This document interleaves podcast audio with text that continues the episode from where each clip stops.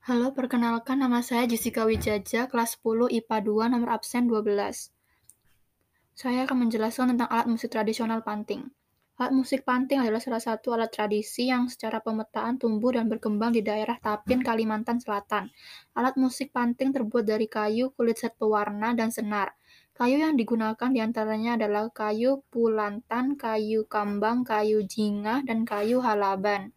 Sedangkan bahan kulit yang diambil adalah dari kulit hewan yang hidup di hutan seperti kulit kijang, rusa, atau kulit hewan melata seperti kulit ular puraca, ular sawah, dan biawak. Alat musik ini dipakai untuk